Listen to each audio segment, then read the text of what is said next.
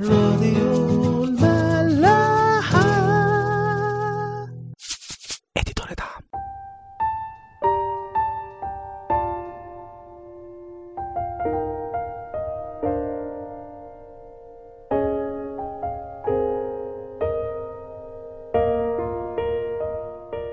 مساء الخير. أهلا بيكم في حلقة جديدة من برنامج عيش وملح. النهارده هنبدأ مع بعض مزمور جديد وحلقة جديدة من حلقات المزامير هو المزمور 45 الحقيقة المزمور ده مزمور مختلف شوية. معظم المزامير اللي فاتت في الفترة الأخيرة كانت بتتكلم عن حالة بيعيشها كاتب المزمور ومعظمها بيتكلم عن ألم وعن حروب وعن استغاثات بيطلبوها من ربنا علشان يخلصهم من أعدائهم. هنا المزمور مختلف شوية إنه بيتكلم عن المسيح. المزمور كله تشبيهات ونبوءات عن المسيح كتبها داود النبي بوحي من الروح القدس وهو قايل كده بالظبط في المزمور. بيتكلم عن المسيح الغالب اللي غلب في حربه ضد قوات الشر على الصليب لما خلص كل بني آدم من خطيتهم ومن عقوبة الموت. وبيتكلم عن المسيح العريس اللي خطب لنفسه الكنيسة كعروس مقدسة عايشين في علاقة حب أزلية أبدية وزي ما مكتوب في عنوان المزمور هي ترنيمة محبة أو قصيدة محبة مكتوبة بتوصف الحب اللي بين العريس وعروسته أو المسيح وكنيسته. هبدأ أقرأ معاكم أول جزء من المزمور 45 من آية واحد لآية رقم ستة. الإمام المغنين على السوسن لبني قورح قصيدة ترنيمة محبة. فاض قلبي بكلام صالح متكلم أنا بإنشائي للملك. لساني قلم كاتب ماهر. أنت أبرع جمالا من بني البشر انسكبت النعمة على شفتيك. لذلك باركك الله إلى الأبد. تقلد سيفك على فخذك أيها الجبار جلالك وبهائك. وبجلالك اقتحم اركب من أجل الحق والدعة والبر. فتريك يمينك مخاوف. نبلك المسنون في قلب أعداء الملك. شعوب تحتك يسقطون. كرسيك يا الله إلى ظهر الدهور. قضيب استقامة قضيب ملكك. الحقيقة المزمور ده متقسم لجزئين. هو عبارة عن نبوات وتشبيهات ورموز عن المسيح في حالات كتيرة أوي. الجزء الأول مركز على المسيح المحارب الغالب. اللي غلب في حربه ضد قوات الشر وخلص ولاده وأحبائه من عقوبة الموت. والجزء التاني بيتكلم عن المسيح العريس بيتكلم عن عرس فرح. وبيوصف في وصف جميل جدا الفرح ده لكن كلها تشبيهات ورموز عن المسيح العريس وحبه لعروسه اللي خطبها ليه بالدم الثمين الكنيسة. بيبدأ داود المزمور وبيقول فاض قلبي بكلام صالح متكلم أنا بإنشائي للملك.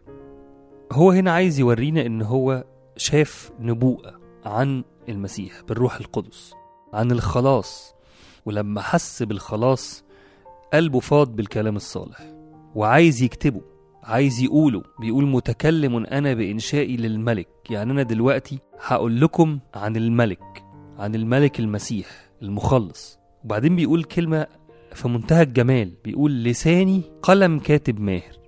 يعني إيه بقى؟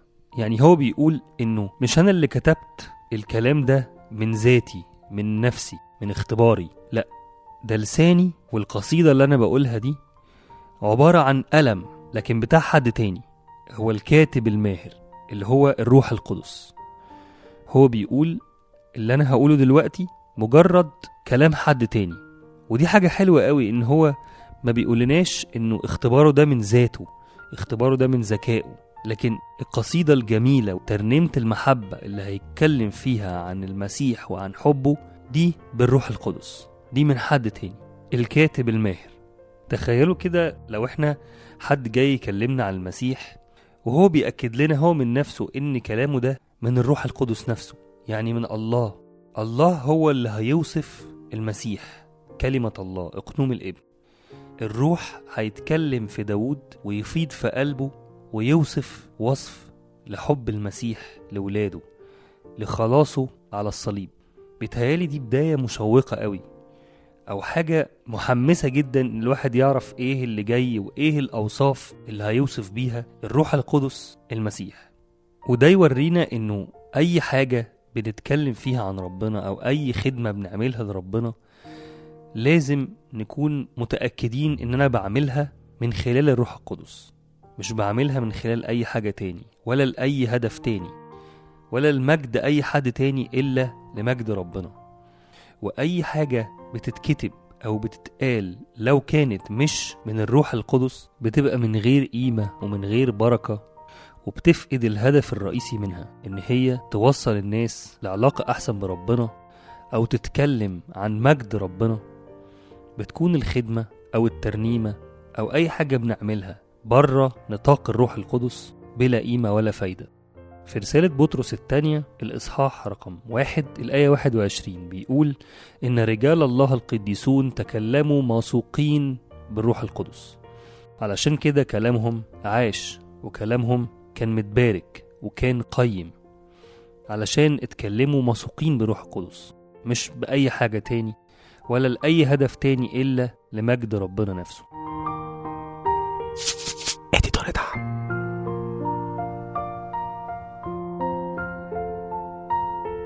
نرجع تاني لآيات المزمور. بعد ما شوقنا داود وقال لنا أنا هتكلم بروح قدس عن الملك.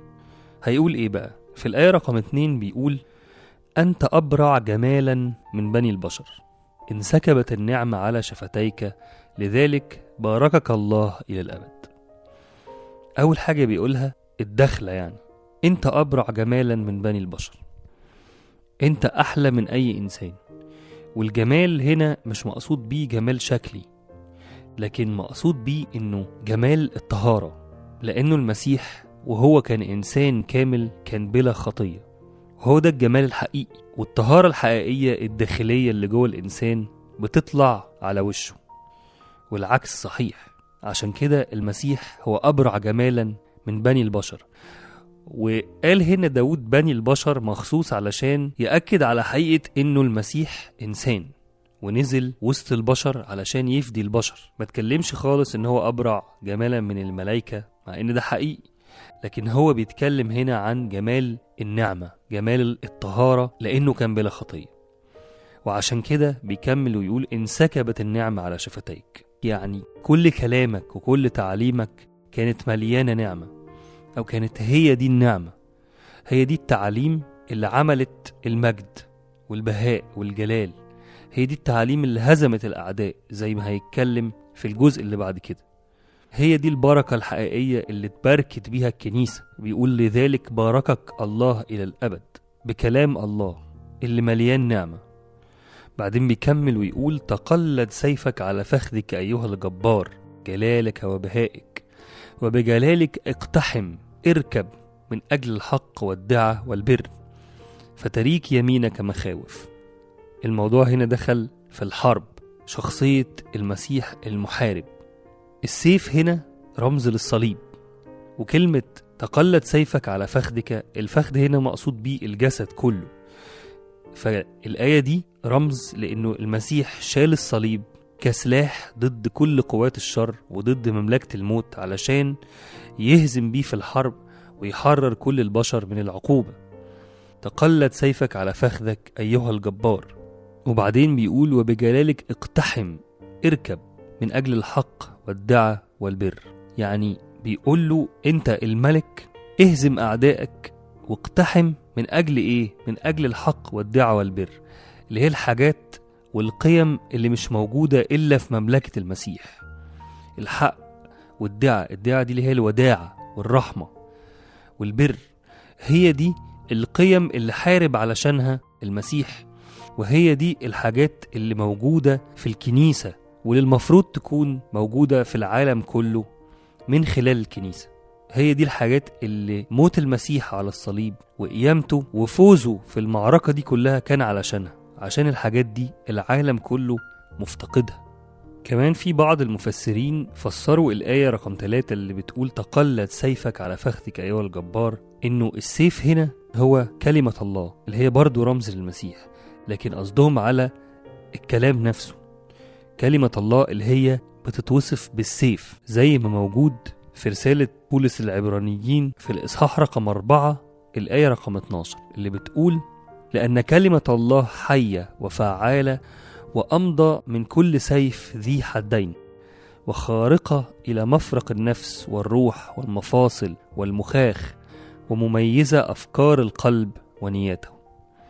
هنا وصف كلمة الله إن هي سيف سيف ضد كل الشهوات سيف ضد كل الأفكار الشريرة. وإن الكلمة دي قوية قوي زي السيف اللي كمان ذي حدين يعني هو مش بحد واحد. ده وصف لقوة الكلمة اللي تقدر تغلب كل الشهوات وتحرر النفس البشرية من كل الحروب اللي بتتعرض لها. أي حد عايش في الدنيا دي بيصحى كل يوم الصبح لو ما خدش باله من كمية الحروب اللي ممكن يكون بيتعرض لها كإنسان يبقى الموضوع فيه مشكلة. ولو أصلا ما اعتبرناش إن الحاجات اللي إحنا نتعرض لها دي حروب بمعنى قوة وخطورة الحروب يبقى دي مشكلة أكبر. وطالما أنا اعتبرت إن أنا في حرب فبالتالي لازم يكون معايا أسلحة لازم يكون معايا سيف أحارب بيه. السيف ده هو كلمة ربنا وده مكتوب في الإنجيل. والسيف ده كمان هو جهادي وعلاقتي بربنا كل يوم. واحد صاحبي مرة قال لي مش مهم قد إيه أنا ممكن أكون بقع لكن أهم حاجة أموت وأنا ماسك سيفي. يعني إيه؟ يعني ما بطلش جهاد ما بطلش أحاول أقرب لربنا. هو ده ماسك السيف. حسيت إنه ربنا عايز يقول لنا إحنا تقلد سيفك أيها الجبار. إحنا اللي نتقلد السيف. كتير مننا وأنا من الناس اللي ممكن تكون بتسيب السيف كتير في أوقات كتير وببقى عارف إني سايبه. فالنهاردة تقلد سيفك. امسك السيف. حتى لو انت ممكن هتتغلب في أوقات كتير لكن عمرك ما هتموت وانت ماسك السيف لأن وراك حد هو اللي هيغلب فيك. وهو اللي غلب في المعركة الأولانية وهيغلب في المعارك والحروب اللي انت بتتعرض ليها كل يوم. وهو اللي اداك السيف وبيطلب منك إن انت تمسكه وتحارب لأن انت لازم تصدق إنك تقدر تكسب. وإنك لازم تكسب وإنك هتكسب في المعركة دي طول ما أنت شايل السيف. هسيبكم مع ترنيمة في حربي أنا جندي وأشوفكم الحلقة اللي جاية. في حربي أنا جندي بتألم من جروحي لكن طبيبي جنبي وبيشفيني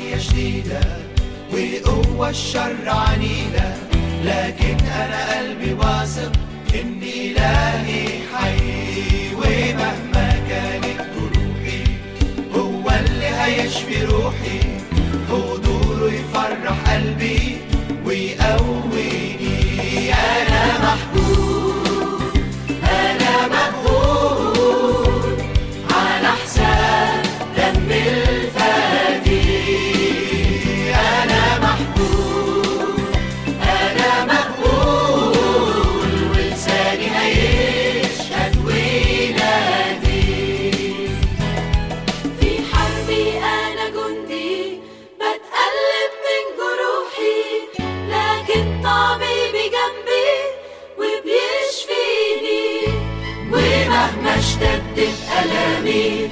أنا هثبت في مكاني. عشان إلهي أقوى.